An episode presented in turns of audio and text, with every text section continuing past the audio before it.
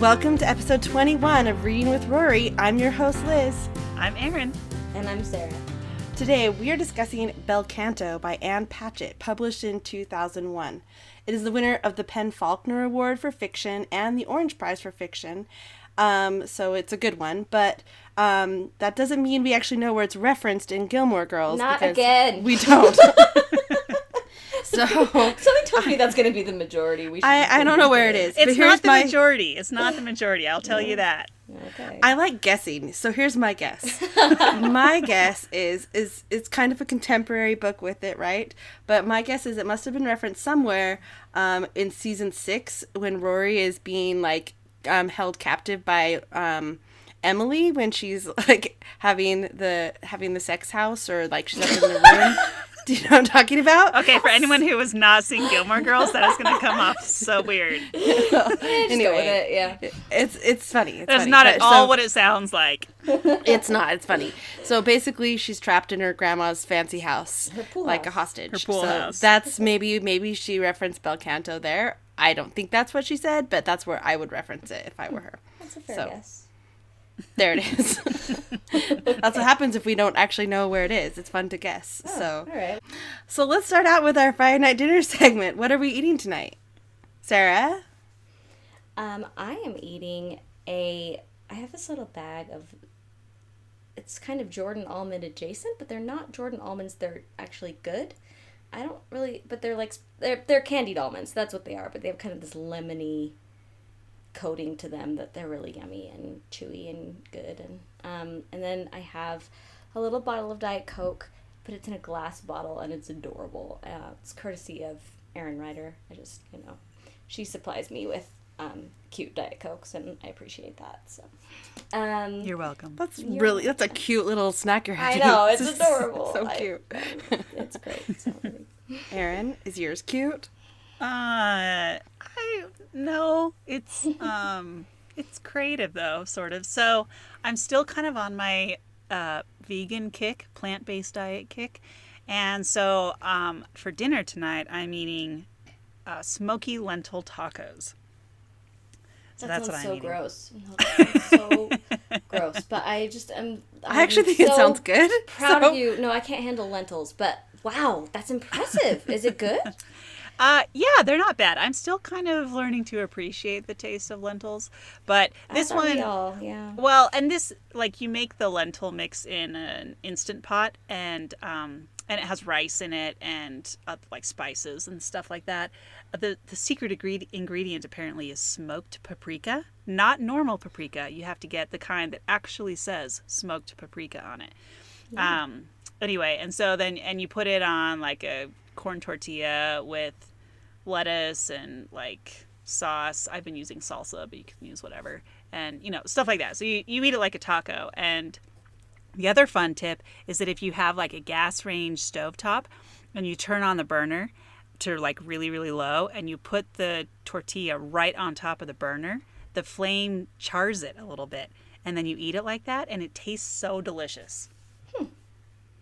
That is creative and like effort. Like that's effort. I'm proud of you. That is Well, really I made it all on Sunday, so it's not like I made it tonight. effort on Sunday. Way to go. Yeah. That's really good. That's, that's impressive. Uh-huh. Smoked lentils. Um, I'm having some uh, spring rolls, some Vietnamese spring rolls. They're delicious. That sounds delicious. I Mm-hmm. love spring rolls. So, if you have not read the book, allow me to enlighten you on the plot and to the what's happening in, in Bel Canto. So, it's an interesting one to really sum up. So, if you ask me, uh, it it it's harder to capture its tone and everything else in a summary, but I'll give it a go. This is from Goodreads. In an unnamed South American country, a world renowned soprano sings at a birthday party in honor of a visiting Japanese industrial titan. Alas, in the opening sequence, a ragtag band of 18 terrorists enters the vice presidential mansion through the air conditioning ducts. Their quarry is the president, who has unfortunately stayed home to watch a favorite soap opera, and thus from the beginning, things go awry. Among the hostages are Russian, Italian, and French diplomat- diplomatic types. Swiss Red Cross negotiator Joachim Messner comes and goes, wrangling over terms and demands. Days stretch into weeks, the weeks into months. Joined by no common language except music, the 58 international hostages and their captors forge unexpected bonds. Time stands still, priorities rearrange themselves. Ultimately, of course, something has to give. That's it. Okay. Ends on an ominous note. I thought mm-hmm. that was pretty. I thought that was pretty good. Mm-hmm. Yeah, I know that's pretty good. I mean, Um, the alas made me laugh, but other than that, or awry. I mean, there's some good words, but I mean, the, totally, it's like the ragtag bunch of terrorists. Like, it just it seems Yeah, that seems a little light. like. I mean, I guess the thing is, is like yeah. for like if you were to say it's a book about um, terrorists taking over, taking people hostage, it'd be like, ooh, that sounds like scary. You know, like action like an movie. action movie, It's yeah. not. So I guess ragtag works, right? Some fun facts, though, about this book. It was based on an actual incident um, that took place in 1996 um, in Lima, where they took a Japanese embassy, I guess. Um, they took some some terrorists, um, held some, some Japanese ragtag bunch of terrorists. yeah, diplomats and businessmen hostage. Um, I was reading, I did a little reading on this, and it sounds like there was a lot of controversy in how it ended and how there was they violated all sorts of um, uh, international laws on how they apprehended or tried or whatever the terrorists at the end, and it sounded very um, uh, dark a little bit, but also an interesting thing to inspire a plot line for Ann Patchett. So she saw this happen on the news and read about it too and turned it into a novel. So here we are. Interesting and interesting. Like, I wonder what inspired the opera element of it. You know, I know. I wondered that too. Well, especially because I also read too that she did not really know about opera, right? Like, it wasn't like this passion that she had. She just w- started to learn about it as she wrote this book. So it, it is kind of an interesting one. Um, there's some interviews with her that I was listening to and reading that I'll post on the webpage. Um, so really the plot points grab attention, right? It's a hostage situation. It sounds action packed. But like I said, I don't think it really captures what it's like to read the book. So let's try and do that ourselves. So how would- what do you think of the book? How would you rate it, Erin? What let's start with you. Well, I would probably I want to give this book a 5. And the only reason I'm hesitating on that is because I don't want to throw fives around lightly. I've only given out one other 5, and that was for Babe. nothing, nothing should stop you. If you want to give this book a five, give it a five. But I loved it. I loved it. Then the give it a five. yeah. Well, I I will. I give it a 5. Twist her arm. I, I all right, I give it a five. And what's been interesting about it is that, so I've been talking to some of my coworkers about the podcast. I've been talking to them about what I've been reading, and what I've been reading was Bel Canto in preparation for this episode. And I've had such a hard time explaining why I love the book. And it's because I don't really know the right word to use. Because I keep wanting to use the words, words like enchanting and mesmerizing. But I'm like, it's not enchanting. It's not an enchanting It's like a fairy tale. But but not at the same time. But like it is at the same time. yeah, so I like I I go d- towards the enchanting route, and then I kind of settled on captivating because I was mm-hmm. like I can do good word. cap like captivating mm-hmm. is a good word for it. Um, but it just like almost fr- right from the beginning, which is kind of rare sometimes in books. Like sometimes you have to give them a little while, but almost right from the get go, I was like re- way into it, mm-hmm. and I probably read a, a good majority of the book in like one day and just because I was just so interested in it. And I kept finding myself, the way she wrote it, I kept finding myself wanting to like reach for Spotify to find clips of Roxanne Coss. And I was like, no, she's not real. She doesn't exist. What are you doing? But I was like, it just, the way I was so captivated by her writing that it it kept drawing me in and I wanted to become part of that and I wanted to understand how this singing and how this whole experience had impacted these people so much and I wanted to to have a sense of what that was like.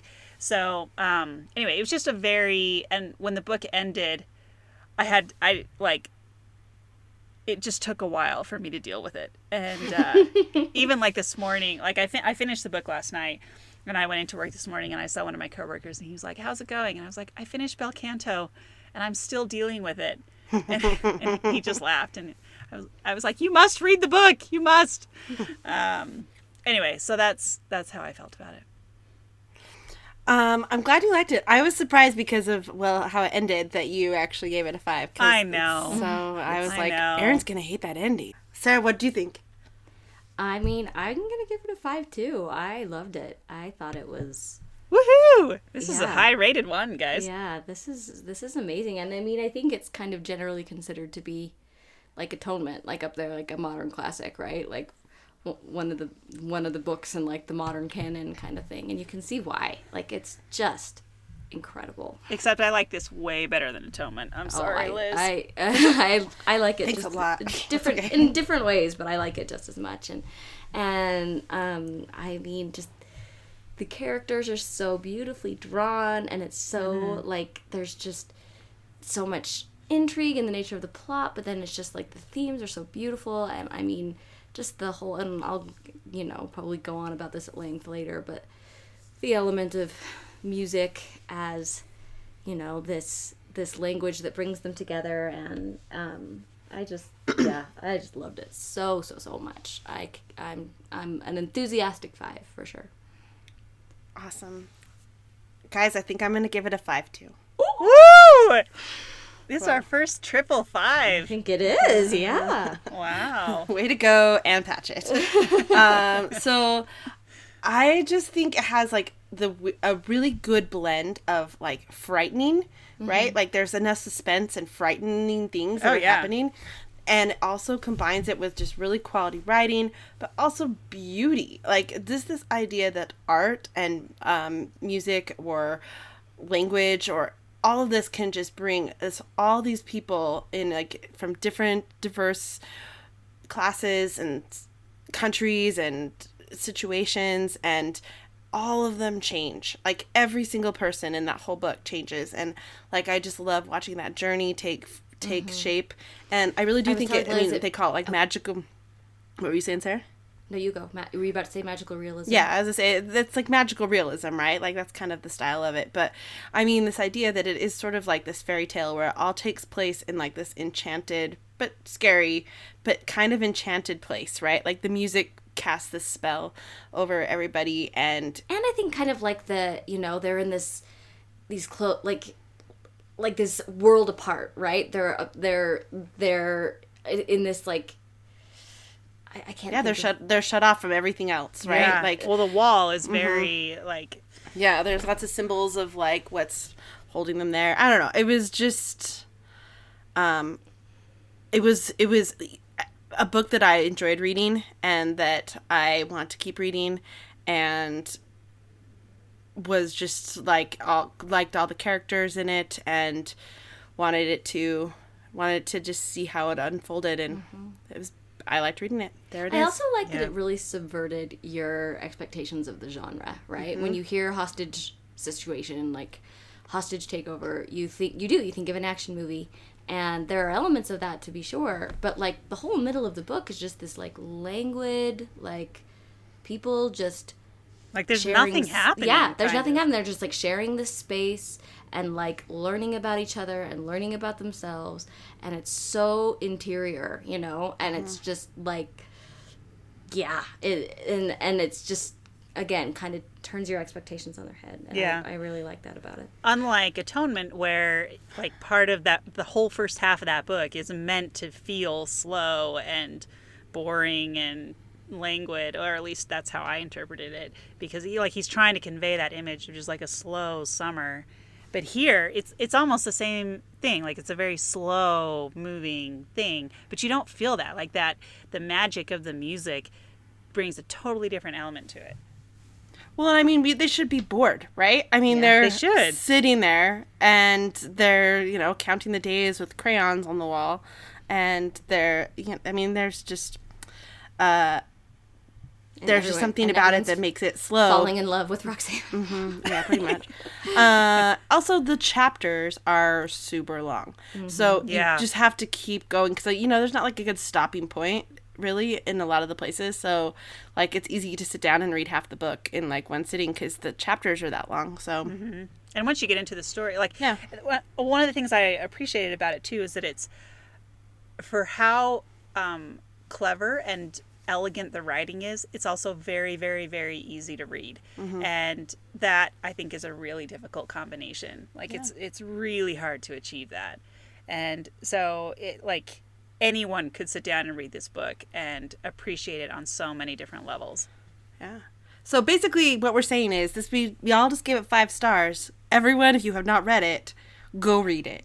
No excuses. No excuses. and then come back and listen to the rest of the episode because we're probably going to talk about spoilers yeah, we'll see. Yeah. I don't know. I was thinking about that. I was like, I mean, I think it would make for a richer discussion, as talking about the whole book usually does. But I think we could have a good discussion without spoiling the end. We'll Yeah. see how where it takes us. Yeah.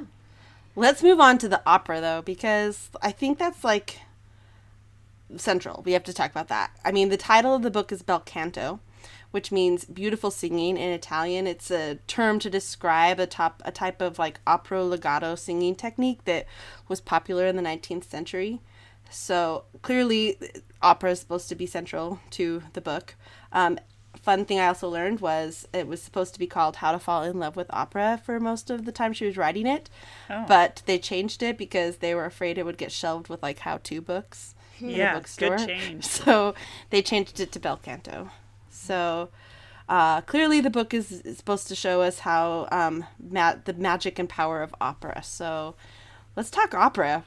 Um, first, what are our opinions on opera? Like, where do we stand? Because people have opinions on this. Like, so are we opera fans? I Sarah? wouldn't, I wouldn't go all the way to fan. Um, our mom is a big opera fan, huge. Um, and she is often trying to get people to go with her to the opera because our dad is not a huge opera fan. and I just love it. She'll go by herself if no one will go with her. But like, I like to. Um, I've always kind of been a, you know, sometimes maybe it's just of my generation and I don't have the attention span to sit, to sit through the whole thing. For me, it's always kind of been like it's more to be appreciated than really loved. But then there's some moments that are just so like transporting and so just like almost really in it's a stupid sounds stupid to say but kind of life changing right like it's just that beautiful but i do think there's something really powerful i think there's a reason that it's lasted as long for for this you know classical you know mode of entertainment to still kind of be relevant in the 21st century i think it has to have a certain power and i think it definitely does. You just so yeah i don't know. It's complicated. I do like it and i struggle with it at the same time but there's just some opera that i love and, and a lot of opera that i tolerate so. So on a scale of like Yeah. Pretty Woman, like, are you- oh. Do you know what I'm saying? yes i know like are you like absorbed on the balcony bawling your eyes out or are you asleep and chatting with people in like 19th century age of innocence style and not paying attention to what's happening attention. at all I mean, I think maybe I'm like right in the middle, maybe leaning a little bit more Pretty Woman. You know what I mean? I think that it, because again, there are just some of those moments that are just like just wow, that are that really do just kind of bl- blow you away. But you have to kind of sit through some some boring stuff to get there, and so I struggle with the boring stuff because I can get a little um, ADD. So got it erin Yeah, so when I was reading through this, I had many, many thoughts about opera. And I I kept thinking about like why people are so obsessed with opera and I thought about the pretty woman scene, which we we have to either throw a clip of that in this episode or at least put it on the website. Yeah. And then I also thought about Moonstruck um, with Cher. uh-huh. So those were the two that came to my mind right away. And um but I think I've only seen one opera and it was in La Scala in Milan, which is this, you know, huge world famous opera house. It never it like didn't ever grab me. I wasn't like, "Wow, this is like, oh, you know, in tears." Um, you know, just obsessed with it. So, I kept like thinking about that while I was reading this, and I was like, I don't think I've ever been that impressed by opera. But then, um, but then I was thinking about times when I have been captivated by music like that, and trying to think about a scenario where I've been in like a live setting with music and have just been completely overwhelmed by the power of it. And I've, I mean, I felt that way in Broadway musicals before, certain musicals. Um, I felt that way at the symphony um, on occasion. Um, and so I can understand like the power of the music and when when something does strike you, it really strikes you. And and then I was also thinking about how for a lot of not for the diplomats, but for the terrorists in this in this story, this was probably the first time they'd ever heard anything like this.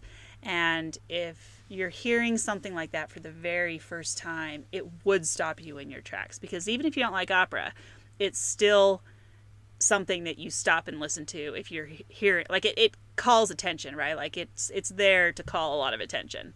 And how they talk about that throughout the story how when she sings you know like when she wants the box of music and the general won't let her have it and so she just like bursts out singing He changes his mind. he changes his mind but it's partly because he's like he was so confused by the singing he couldn't think straight Yeah. and like i don't it think I've- reminded him of like his wife or something, right? right? Like it sent him down like this emotional journey, and he's like, Right. Well, that's Oh, the man. thing I think that's so like that that's the function that that the opera serves. Like why here's this here's this hostage story. Why opera?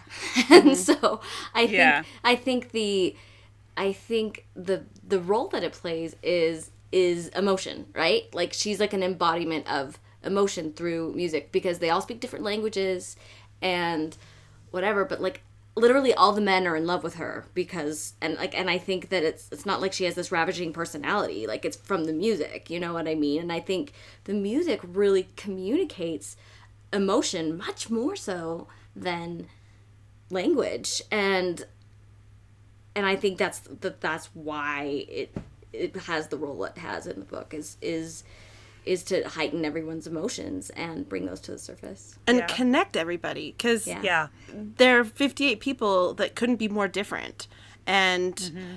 i mean i don't think you have to necessarily have a undying like love for opera to know that, that art can have that power to like connect people and bring people together and to make you feel something um Yeah. And if you're in this situation where you're you're a hostage and you're not allowed to leave and go back to your normal life and your entire world is turned upside down, that kind of music, hearing that would probably spark an enormous amount of emotion in you. And it, actually one of the things I did while I was reading the book, um, I turned on um, La Sonnambula in the background and read the book, like part of the book, while I was listening, while the opera was playing. I was like, maybe this will heighten my experience, and I, it did a little Yeah. bit because I could, I could actually like envision her singing and and you know Roxanne singing and practicing while I'm reading the story and kind of following along. Um, so I think like you know because the only two people who could connect everyone in that house were uh, Roxanne and Jen, and Mm-hmm. one spoke the language and one spoke music. I think it's pronounced Gen. I'm sorry to be that person. Oh, is I'm it? So sorry. Yeah. Uh huh. Because I listened to the audiobook while I read it because sometimes it's helpful it helps me to focus, um, and it helps me read it faster. So I was listening, and um, yes, it's Gen. Well, okay Fun then. fact. Yeah. GIF, GIF. um, I also think it's interesting because operas traditionally have this tragic tone to them, right? Like, there's every opera I've seen is, you know, uh, this over dramatic, tragic this tale of love and death and sadness and Tragedy, happiness yeah, and just tragedy. heightened emotions and i mean i think that's all in the book there too right is just how like there's fear and then there's passion and then there's um death and there was just so much tragic opera feel to it too that like even some of the storylines they don't mirror the storylines of what they're singing about necessarily but you can see how like when they're singing st- something from rigoletto or she's singing something from puccini that like it's the sto- they're it foretells a little bit about what to expect in this book because it's it's this yeah, form of opera like all operas, all, every opera I've seen, and I've seen a fair few, Uh-huh. like is about some sort of like some set of doomed lovers, Yeah. right? Like that's what opera. well not little women i saw that opera Um, yeah, and I did too. And I'm sorry, American opera. That's why we have musicals. Like I just, just like stay in our lane. Well, and I think that's the other thing about that's interesting about opera, right? Like, because they would talk about how the people obviously couldn't understand what she was saying, but they knew what she was saying just from the music alone. And I was reading that and I was like, really? Because sometimes when they sing, like, I pulled up like a Spotify playlist of like, you know, 100 iconic opera songs or something like that. And I'm listening to them and I'm thinking, I don't have a clue what is going on here. But I'm, you know, I'm also not watching someone live. yeah, I think it's it. Just listening to it isn't enough to give you the full, real context and experience. I mean, I think you can get the sense of like emotion. You can get the emotion out of it that you whatever. I think kind of reflects the headspace you're into. You know what I mean? But um, but yeah, I I read an article talking about you know, going to the opera and just trying to close your eyes and not read the subtitles and just feel it right? And get a sense of like or just like not like because when you go to the opera there there's always some sort of subtitles above the stage. And to like make a concerted effort not to not to read it so that you can just you know watch their movements on the stage and listen to the music and see what's trying to be communicated through that which was what was originally intended it's not necessarily about the actual words well they repeat lines over and over and over and over Yeah, again so you don't have to do that yeah yeah Well, and even Gen was saying that, um, like when Roxanne was singing in uh, Czechoslovakian, he was like, she's Yeah. not, she's not saying it right. Like she clearly just memorized the phonetics here, but no one in the room cared. Like he was the only one that even noticed.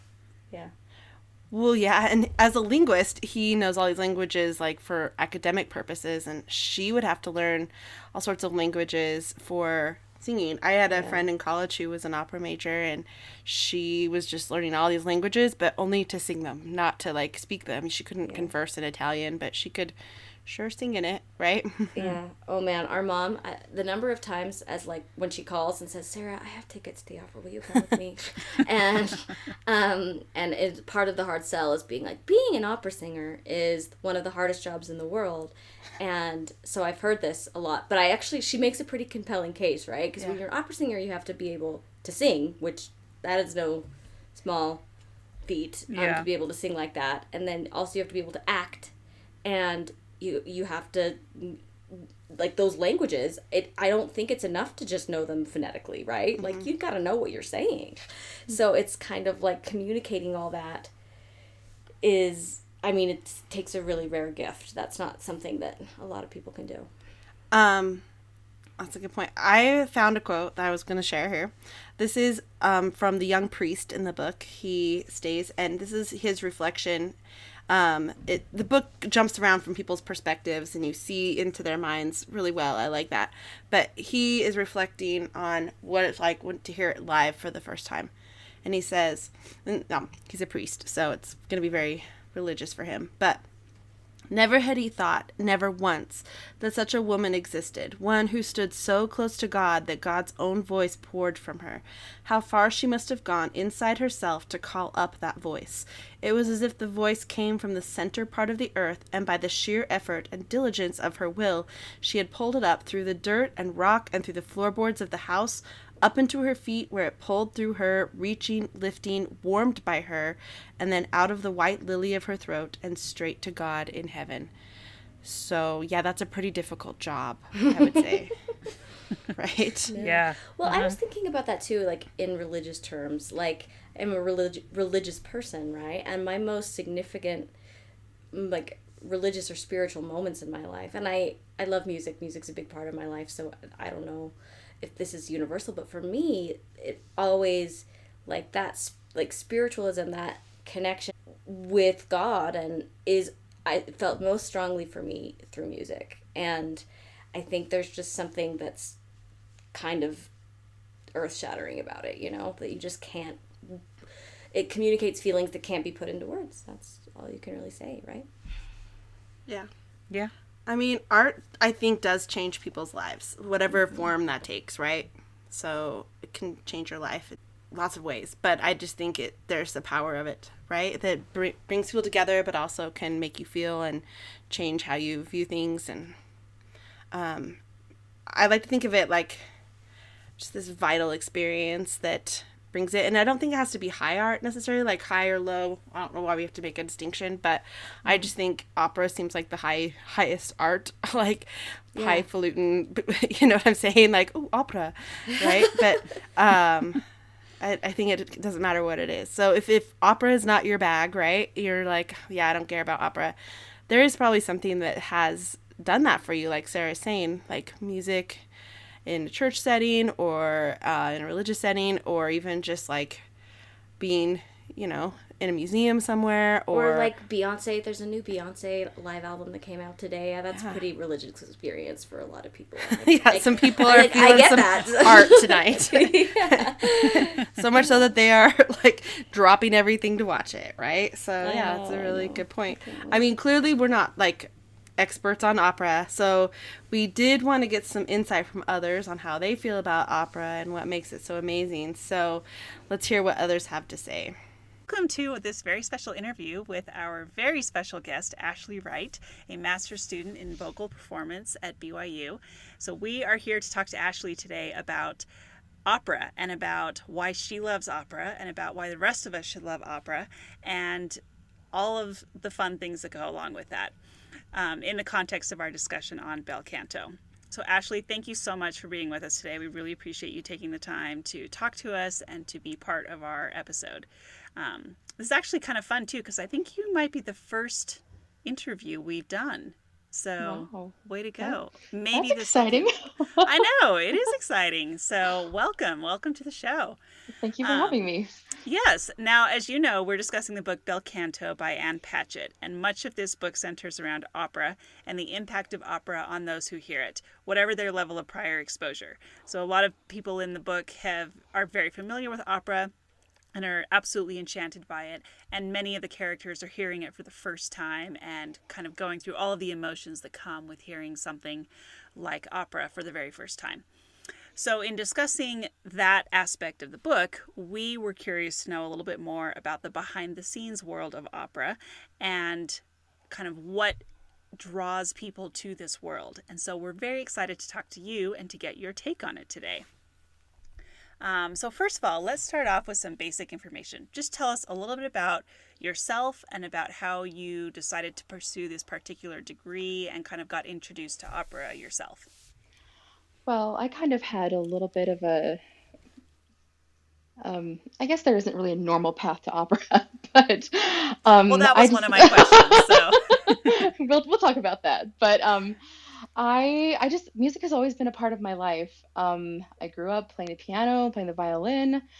Um, I was in choir. I did choir through you know junior high, high school. I loved it, but not in a I think I'm going to pursue this as a career type of way. Mhm. Um, I, I always thought I was going to be a violinist, actually. So okay. so yeah, but um, I don't know. I guess I had some life experiences, and personal things happen, and it kind of pushed me in the way of of of exploring vocal music more. And I just I found a love for it. Well, that okay. So that is terrific. Um, so there are like a gazillion questions I have with that. Yeah. Okay. Um, now I've heard you sing. You're you're a really wonderful singer, and coming from someone who does not sing, I mean, like my brothers when I was younger used to ask my mom to tell me to stop singing in the car to the radio because I was so off key. So I like I really don't sing. so I I really appreciate people who do. Um, okay, so tell us a little bit about what is involved in becoming an opera singer. You mentioned, um, you know, a minute ago that it's there's no one clear path to opera. So tell us, like, what does this path look like? How does someone become a, a world famous opera singer or get involved in opera in the first place? I mean, I think it starts with a love for music. I mean, and that sounds really basic, but really, um, the specifics of it really just involve finding a voice teacher that can help you figure out your own voice and help you find that path to the, the big open opera sound. Um, and sometimes that involves getting your undergraduate degree, your master's degree, even a doctorate sometimes, um, you know, in performance and learning all of the aspects and technique that goes along with that. Um, some people don't even go to college and still perform at the Met. You know, it's just kind of a it's a very individual path. You just have to the the the one thing that kind of unifies it all is just finding a teacher that that understands you and your voice and can help you develop that. And that's really all you need to become an opera singer.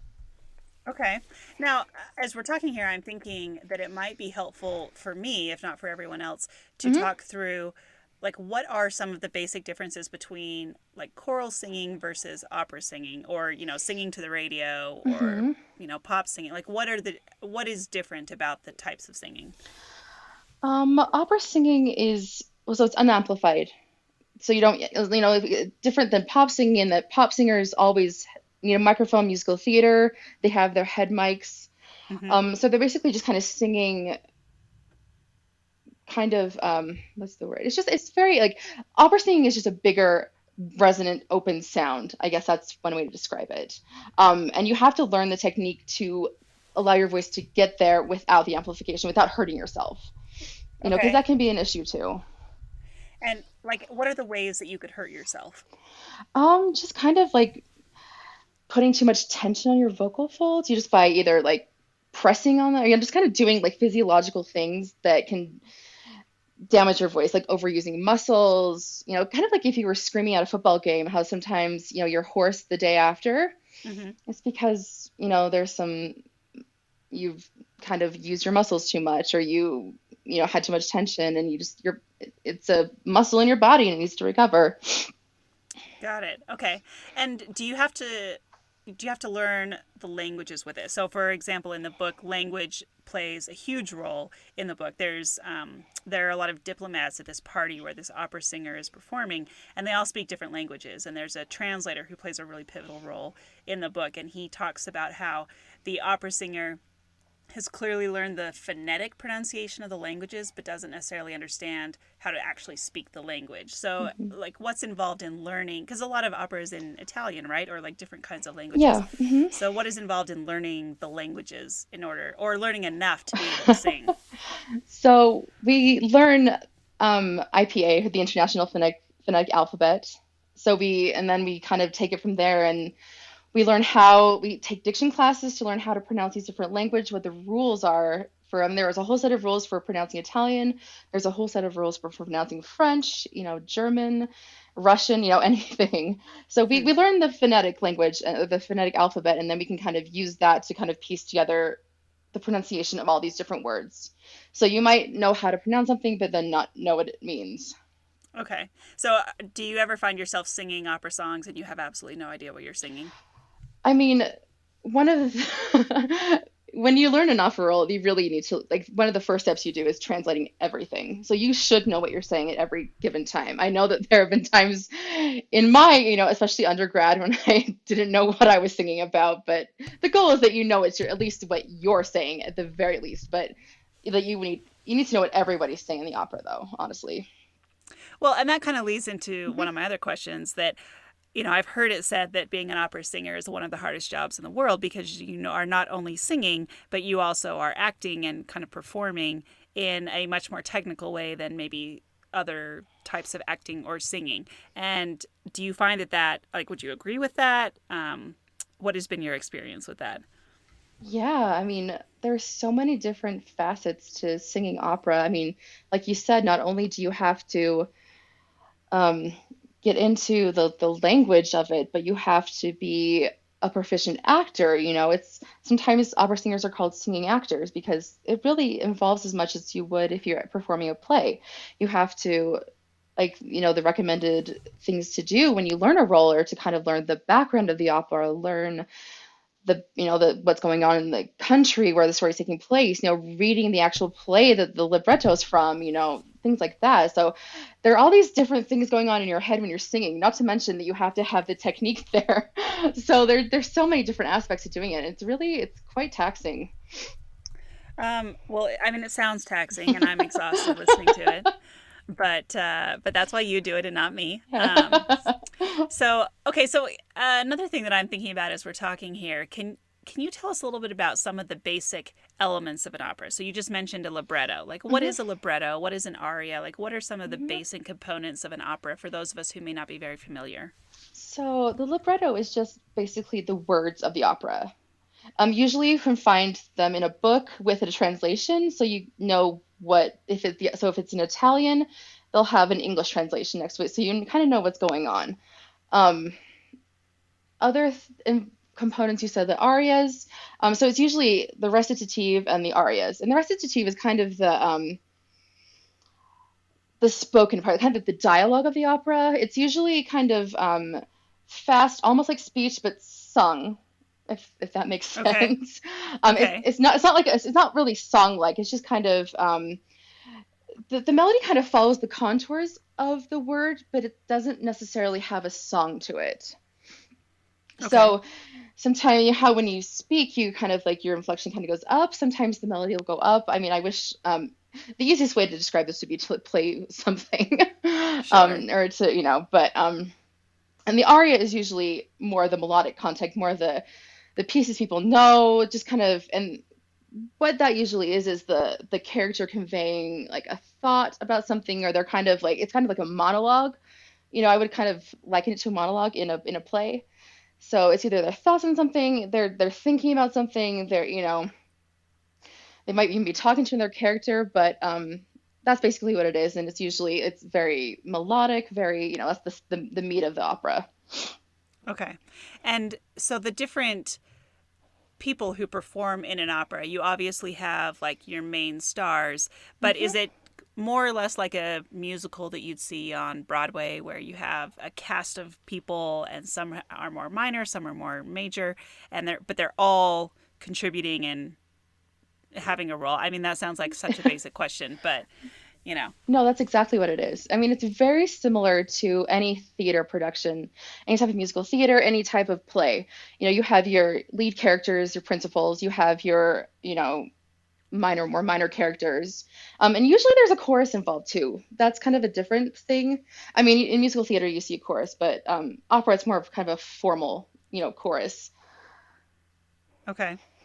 Like people standing in the back singing yeah. the chorus. Yeah, yeah, they kind of stand like sometimes at a you know a very famous scene is the Brindisi in La Traviata. Um, you would know it if you heard it, but okay. it, it kind of like it's people are at a party and they're all kind of like drinking and they're excited and they're giving a toast and they're just singing about it because why not? Got it. Okay. Got it. Um, so what uh, what are some of your favorite operas? Oh, that's a hard question. um, I mean, I love. I mean, I'm gonna list a lot because I have a lot. Go ahead. Um, I love Puccini. Like La Boheme is my favorites. Um, Madame Butterfly um, Verdi, Rigoletto, Otello, Falstaff. I mean, Mozart's Marriage of Figaro, um, Don Giovanni, uh, Handel, anything by Handel, really. Um, but if I had okay. to pick one, I'd say Giulio Cesare.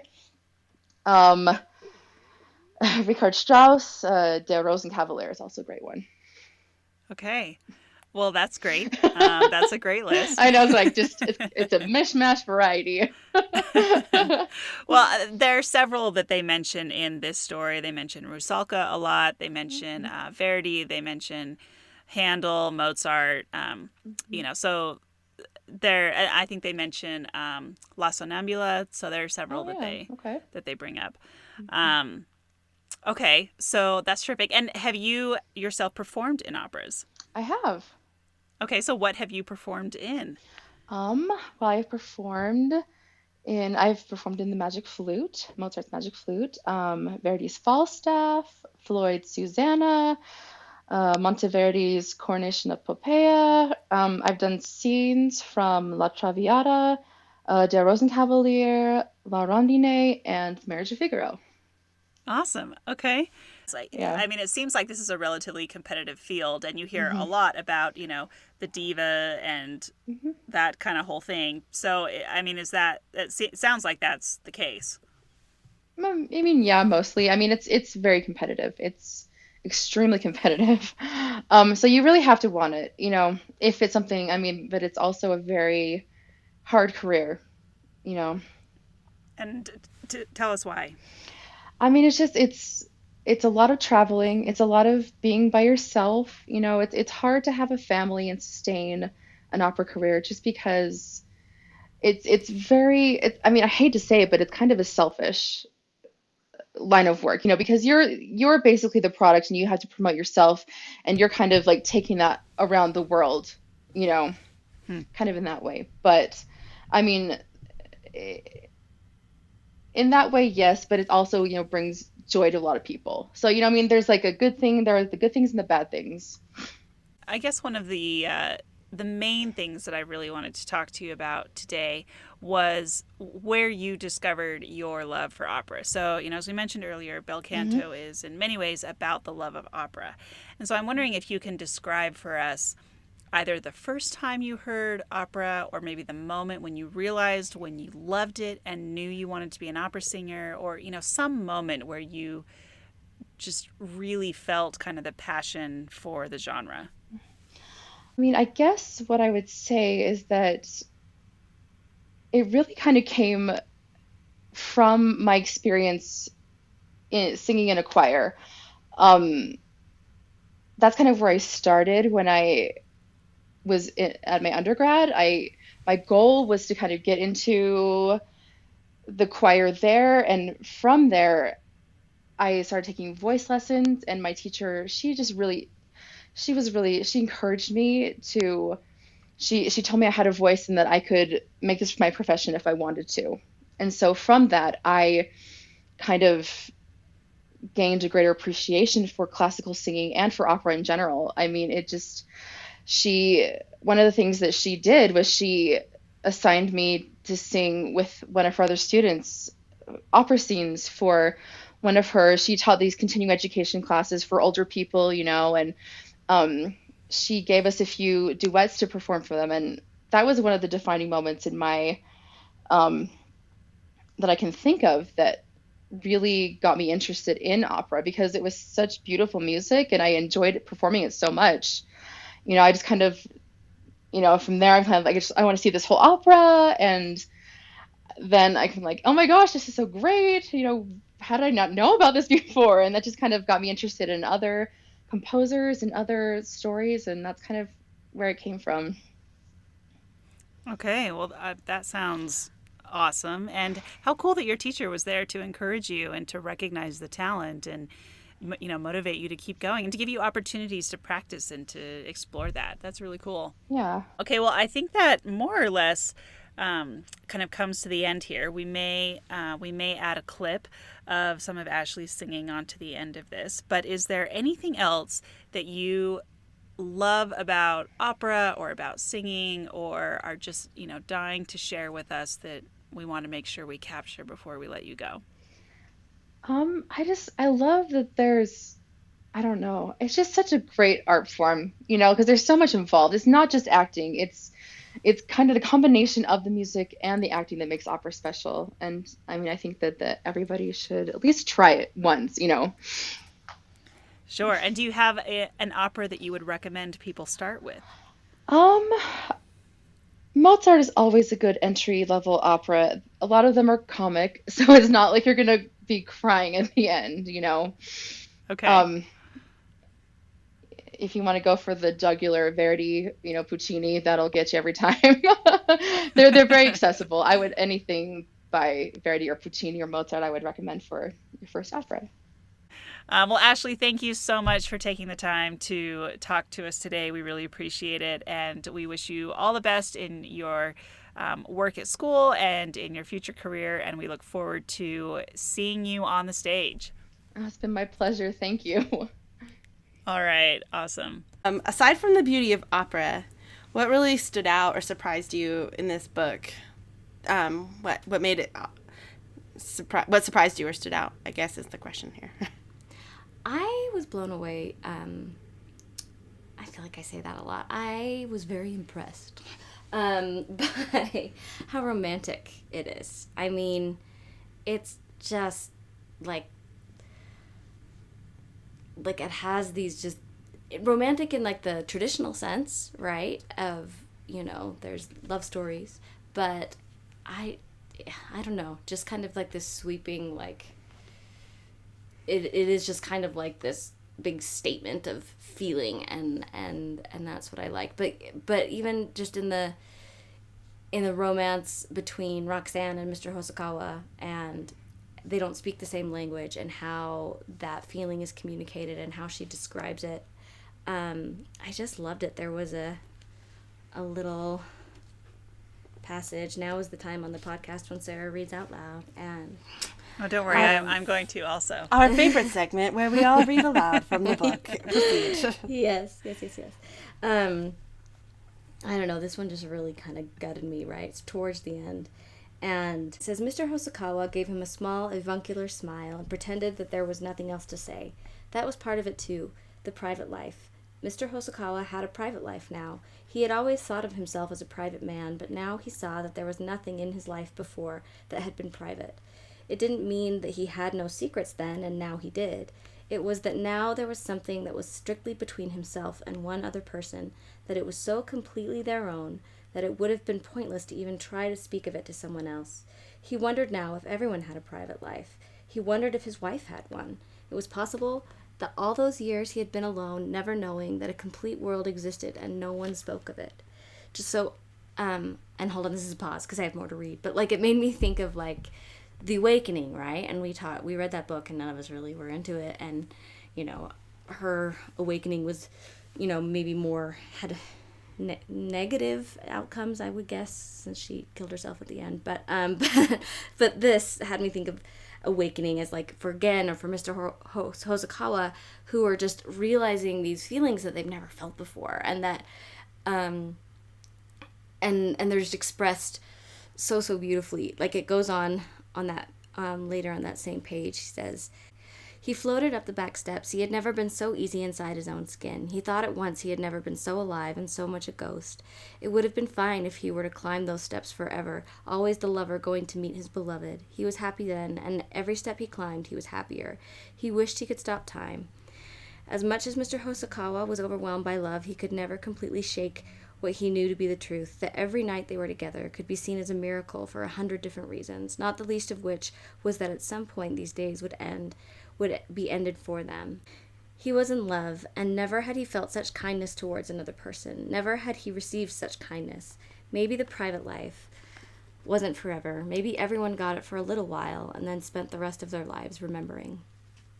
And I just thought that was so beautiful, right? Like, he just was so happy and so kind of blissful to be where he was at and then also aware that it couldn't last forever and that he had this so there's it's just so sad and so lovely and i just like the whole book the whole tone of that there's just so much like sadness and Well, then he says this romance. too. There's a line that goes with it. He says, "Could it possible? Could it be possible that such happiness had existed in the world all along, and he had never once heard mention of it? Like this is the happiest he's been in his life.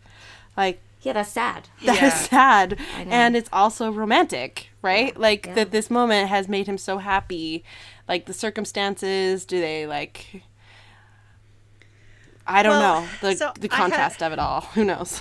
I had a lot of thoughts on that because that was one of the things that stood out to me. Like, I, I felt very much, um, well, I felt a lot of sympathy for exactly what you were talking about, Sarah, with Mr. Hosokawa and how he's kind of coming to realize a lot of this happiness all at the same time. But not just him, almost all, or well, maybe not almost all of them, but you know, several of them were were going through that experience where they were letting go of the things that kept them so busy and learning to appreciate you know small moments and relationships and interactions with each other and this you know beautiful art this music and i in a way i felt like i could relate to that because i feel like i'm constantly caught in life between this struggle of achievement and wanting to achieve and a desire and a drive to go after things, but also wanting to just like stop and literally smell the roses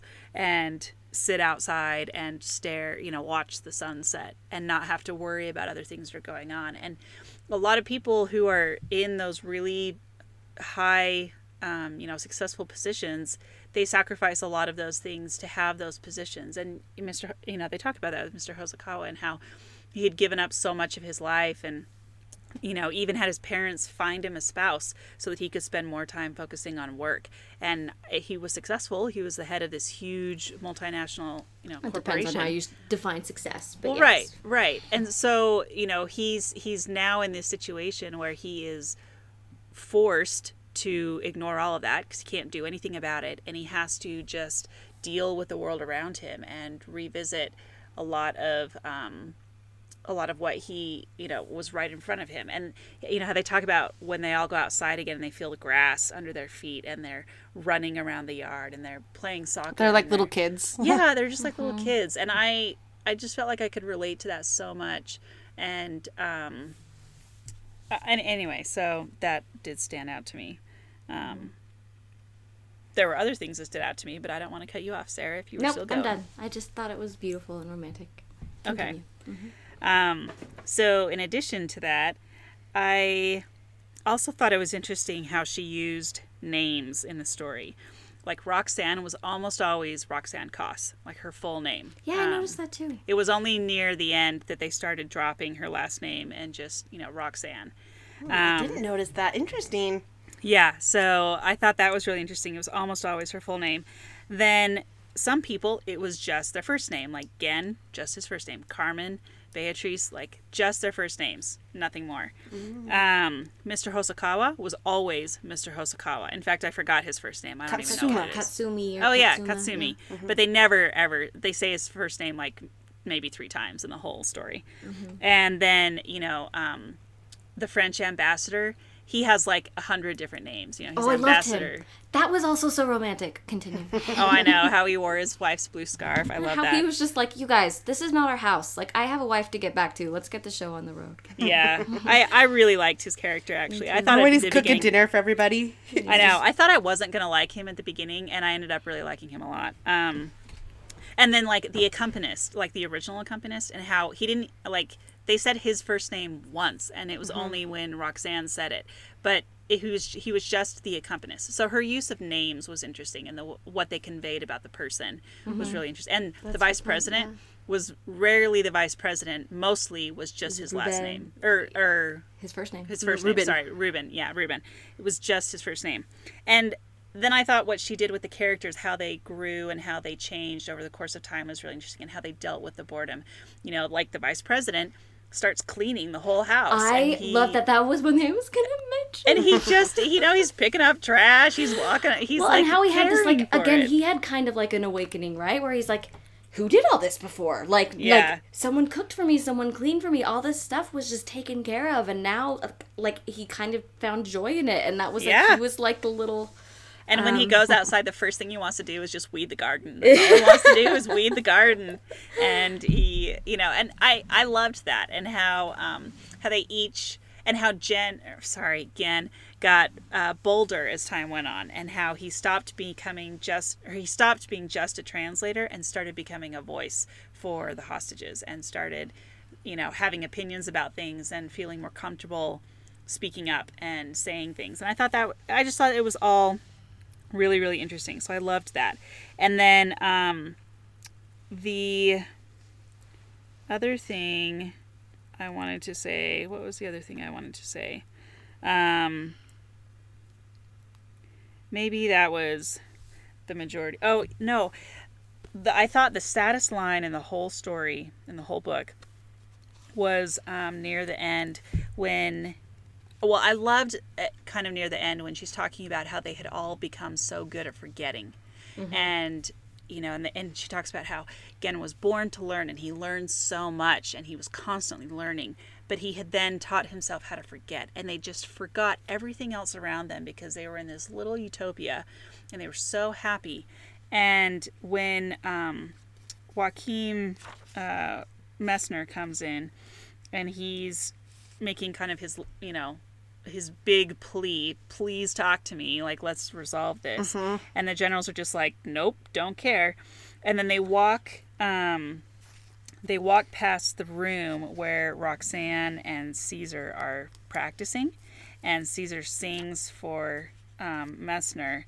And um anyway and you know they're all very happy. And the, the general said um he said it was true. The only thing more crooked than Caesar's teeth was Caesar's nose. It, and then he says it, it makes you wonder all the brilliant things we might have done with our lives if only we had suspected we knew how. Yeah, I wrote that down too. And I just I like my heart broke in that, and I just thought that is like the essence of humanity and like the the human drive for happiness like right there. Like there's so much potential in every single person and i loved that the potential in all of these people came out in different ways and they all started coming into their own in very different ways. I don't know like you know just how access how the the melding of all these people who had all of this training and all this wealth and all this money and all this privilege were starting to share their experience with these kids who grew up in the jungle basically and didn't have any of that and how that like melding started lifting everyone up together. I think that's one of the things like I right off of what you were saying Erin too is that like stood out to me is that I mean there was this love story. There were people in love for sure but it was also just all the ways that these people were a community. Like that they came together this unlikely group of people um, coming together to like teach each other chess or teach like say I, like I'll get you a job and the make the little like Ishmael like he's so capable businessmen fighting over him and the vice president thinking to himself like I'm gonna talk to my wife about him. We're gonna, Gonna adopt, adopt him, him, I know. right? Like that's heartbreaking. But like in the back of your mind you have to know like this isn't sustainable right? Like Yeah. they're not like and there's hints all the way through like when um carmen is like well we're gonna live here for a long time. Like he's not going home to his wife. And you're like oh yeah he has a wife. Like like this isn't his life. But when you think about it as like what the story really is like a hostage terrorist situation like this is so um not sustainable. Like their lives can't continue on like this. So it makes the book that much more uh i think emotional right? Mm-hmm. Oh absolutely. Like the mm-hmm. the you know penultimate chapter mm-hmm, really is where so much of that emotion um like comes together and starts really like cementing itself and solidifying in the reader's mind. And Ann Patchett i think again like to her to her credit does an amazing job of getting the reader to forget what's going on. Like you kind of always know in the back of your head that this isn't going to end like this has to end somehow and it's probably not going to end well. You you hope it does but you don't really know. And um you know that there's an outside world out there and you know and then they talk about it with the you know the people shouting over the megaphone and stuff like that. But at the same time like the the reader forgets what's going on just as much as the people there do Yeah, and- you're very much like a captive in that house. and we're Yeah. never seen outside like even Messner who comes in isn't is only talking about how he kind of wishes he was there he's got his little fomo you know and mm-hmm. he's not necessarily bringing the outside world yeah, there. he's not. He's not saying. He's not reporting or giving the perspective of what's happening outside. It's, right So I think it'd be interesting if there was almost even well, I'm glad there wasn't, but you know, like that perspective of if you're watching this on the news, right? You'd be like, "Oh no, let's end this. This is horrible. Those poor people inside, right? Like what they must mm-hmm. be suffering." And cool, cool. All right. Well, this is the part of the podcast where we usually like to discuss other places in pop culture where the book is referenced or where pop culture references are made in the book. So that's our favorite. Let's talk about this. Uh, one of my favorites, really, it started at the beginning of the book, is the use of pop culture that they kind of weave in the book. So here's a segment in there. This is a passage from the book. The Catholic priests, sons of those murdering Spanish missionaries, loved to tell the people that the truth would set them free, and in this case, they were exactly correct. The general named Benjamin or Benjamin had cocked his gun and was prepared to make of an example by dispatching the vice president into the next world. But the soap opera story stopped him. As much as he was sick no- to know that five months of planning for this one evening to kidnap the president and possibly overthrow the entire government were worthless, and he was now saddled with 222 hostages lying before him on the floor, he believed the vice president's story completely. No one could make it up. It was too petty and small minded, but Maria, even in the jungle where televisions were rare, electricity sketchy, and reception non existent, people spoke of this Maria. Even Benjamin, or Ben, however you want to say it, Sarah, who cared for nothing but the freedom of the oppressed, knew something of Maria. Her program came on in the afternoons from Monday to Friday, with a special episode on Tuesday nights, which more or less summarized the week for those who had to work during the day. If Maria was to be freed, it was not surprising that it should happen on a Tuesday night. Now, I was did some research to find out if there really was a soap opera about Maria. Um, there wasn't. a That's a telenovela. it was an un, it was not named, but I love this idea that this soap opera, this form of pop culture, right, would be so like all encompassing that even like the president, down president. to these terrorists in the jungle are like, oh yeah, Maria, we got to find out what happens to her. And guys, can I just say, I loved that the president missed this dinner to watch a soap opera, and then everyone knew that he had this fetish for this soap opera. Like that was so funny. like, yeah.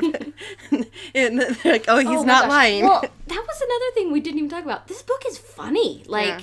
It's really funny. I just love how like casually it's like, and so and so's in love with her. Like everyone's just in love with her, and she's just like The I just- Russians declare. I The Rus- actually, I I loved how the loved that Russian. scene. I loved how he like is declaring his love, and she's like, "Well, you know, I don't think it would work out." And he's like, "What are you talking mm-hmm. about? I have a wife. Of course it wouldn't work out." Yeah, he's like, I don't. He, he's like, you're too American. I just needed to say it. Maybe it's all their soap operas they watch or their pop, their music, right? yeah, I love that too. yeah. Um, so obviously there's references to um, operas. I don't really consider that pop culture, but we'll put it in here, right here, right? So Rigoletto, Verdi's Rigoletto was mentioned. Uh, Rusalka's uh, Rusalka by Dvorak and uh, O mio bambino caro from Puccini. Those were like the three, uh, I think, most well-known pieces that they kind of mentioned throughout the throughout the book. Can you guys remember any others? I'm sure there were, but those were the ones I remember. Mm-hmm. If- I'm just doing my best not to correct your pronunciation of Dvorak. I why am I this person? Will someone please help me? be Why are you this person today? I'm sitting here thinking, okay, we need to have a pronunciation session before we start recording. I mean, be that person. I'm so sorry. So I'm how did I say that- it? And what did I'm you say? sure our listeners appreciate it. What is it, Sarah? It's Dvorak. You said you didn't say. You just said Dvorak. I'm sorry. J. D- d- Please cut this out. anyway, so um, so obviously opera plays a big role. Um, so the movie, the the book came out in two thousand one, and I think in the meantime, like it's been tried to be make a made, made a movie a few times. Um, it finally was made into a movie uh, just last year. It came out in two thousand eighteen. Um, Paul Weitz directed it. It has um, Ken Watanabe and Julianne Moore, and um, it was pretty good. Sarah and I watched it, yeah, I liked it. and It's got nothing on the book, but I liked it. yeah, it was okay. They finally did adapt it into an opera. Um, Jimmy Lopez uh, wrote the score, and it was in um, a few different places, but they aired it on PBS, like their great performances, and I recorded it, and I had it on my DVR for a long time, and didn't watch it. So, alas, but I will put the link. I the don't link think that helps your it. case for the movie, but I know. Well, sorry. Um. Anyway, I don't. I'm not trying to help my case. The book's so good. I think it's hard to make it, and I think it's hard to adapt this into like a really good yeah. Something else. movie. But I mean, The- I, I, love the the opera was pretty well received. Yeah, it wasn't was. The opera was pretty well received. There's like a, you can. Like I said you can see it. You can watch it on TV. Um, there's also apparently a parodied version of the, of the book, uh, on a two episode arc of the TV show Archer, called Bel Panto, and it's about a hostage situation with a famous actress. So, if you're familiar with Archer, you're like, oh, obviously Bel Panto. Uh, Of course. Obviously. so there it is. Those are our those are our pop culture references. As, as usual, if there's something I missed, let us know. We'll add it to our list here. Um, so now what? Now that we finished the book, what are we inspired to do? Erin, go. Okay, well, I have two things to say. The one is reading this book actually helped me accomplish a task I wanted to do from two episodes ago from our Balzac and the Little Chinese Seamstress episode, where I wanted to read literature more like the boys in that story and to appreciate literature like they did. And so there was one point while I was reading this, and I thought, if those boys were reading this book, they would probably die and go to heaven. Like they would be so enthralled with it. And um, anyway, so I've I felt that that just like love Wonderful. for reading and um, appreciation for it. So I have accomplished one goal. Okay, one like the only one so far, but you know we're working on it. Then the other thing I thought was I just want to appreciate opera a little bit better. I think like I don't. Some art forms take a while to like you have to know a little bit about them to really start to appreciate them and i thought i want to just appreciate opera and like go to more operas i don't think we have any opera here in salt lake Yeah, we do. Do we Uh-huh, The, the Utah, Opera. oh all right well okay there you go so i was like i don't even know where to go find opera in Yeah, salt lake Utah, there's a company here, and they're really So good. Capitol Theater, Oh, okay well that's good to know they do a pretty good job. and and there's also the Miss Met. La Scala.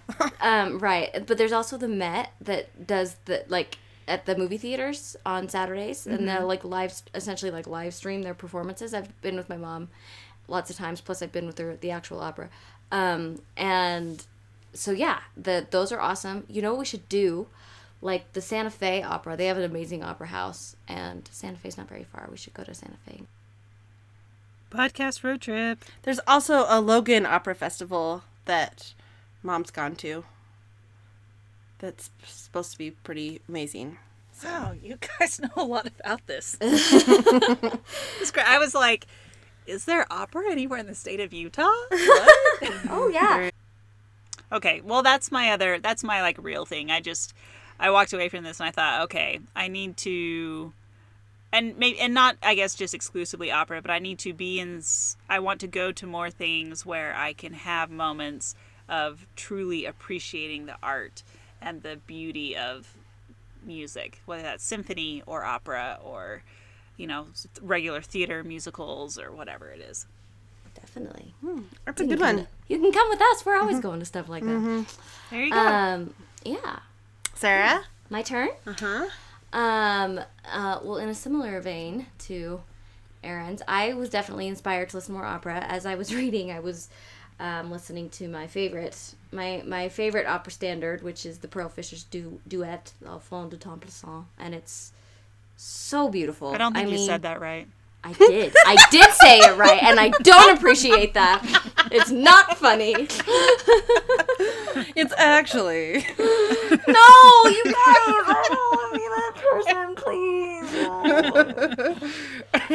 I don't have any idea how to say what you just said. So Pearl Fisher's great. duet is so good. It's so good. I'm sorry. I'm just um anyway, go listen to the Pearl Fishers duet. Call it that, and that'll all be fine. Um, and you'll be able to find it, and it's yummy. But actually, what did I just say? It's yummy. You I think I did. sure did. Yeah, kind of just came out. Yummers. Yummers opera.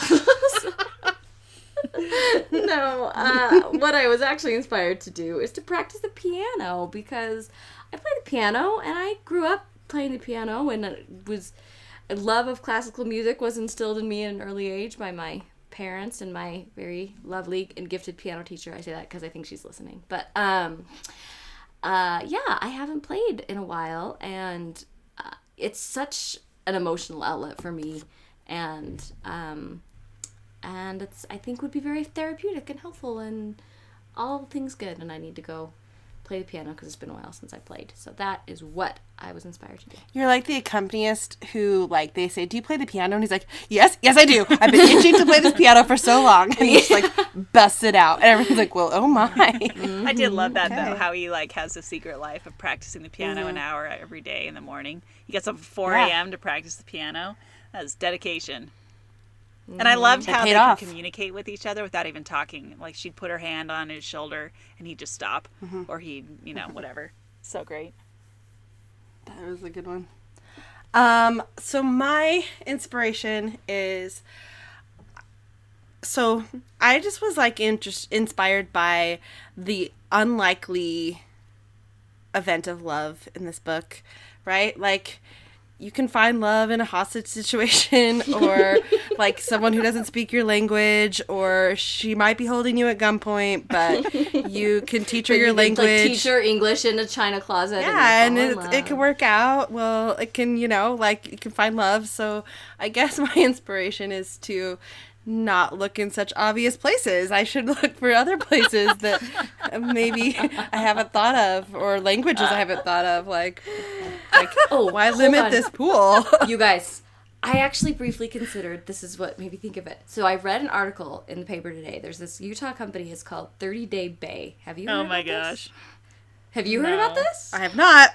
Bay as in B A E. b-a-e yeah Bay, uh-huh. got it. Uh-huh. so like the idea is it's kind of like it's like a dating site but it's but you like submit an application and people like pair you up but you have to be you have to see each other every day for 30 days and then you know you can decide what you want to do after that and like you like document it and like, put stuff on a Married website at first sight or something. Ver- Less- yes, they less like they reference is very yeah less intense, but it made me think of this right like these close quarters. These people see each other every day. That intimacy that comes from Yeah. spending all this time together, right? Like I don't know. I just thought that you know, maybe there's something to the idea Maybe. of the of the forced Or like of- the of the forced adrenaline of it all. yeah. See, the whole time I'm just thinking Stockholm syndrome. Like, I don't know. I didn't quite. See, go I think there. it was more nuanced than that. Well, I think so yeah. too. But I did have a little bit of like, eh, there are people out there who would be like, whoa, Stockholm syndrome. Sure, sure. Yeah. But you know what, But Liz? that didn't inspire me to be kidnapped. I just want to find. I just like want to like like this is a departure for me. I'm usually the one that's like meh, right? But like, let's do this. Well, and it, Liz, it reminded me of your prior goal. I don't remember which Uh, book it was in of like wanting to drive by all your like former. yeah, That was Anna. Was it Anna Karenina. Karenina? yeah, Okay. Oh yeah, Like, yeah, because of find- Kitty. Yes. Yeah. Yeah. drive by. Yeah. How they find love? Like, I think I'm just doing it wrong. like, I think, like, I think this is like what it's teaching me. So cool. Well, Liz, 30 Day Bae. It's available. You can submit your I application. mean, that's a little too weird. Like, I mean, it might have to come to a hostage situation. It's really. So, guess we'll see. Anyway, well, um, what did you think of Bel Canto? What are your opinions on opera? Come find us on Twitter, Instagram, Facebook at Reading with Rory, or you can join the conversation on our website at readingwithrory.com. Um, follow us on Spotify for a killer opera playlist with some favorites, including Sarah's Pearl Fishers. Um, I'm not gonna say it in Also, don't forget to leave us a review. We love hearing how we're doing. Next time on Reading with Rory, we're going to be reading The Bell Jar by Sylvia Plath. So thanks for listening and read along with us. We'll catch you next time.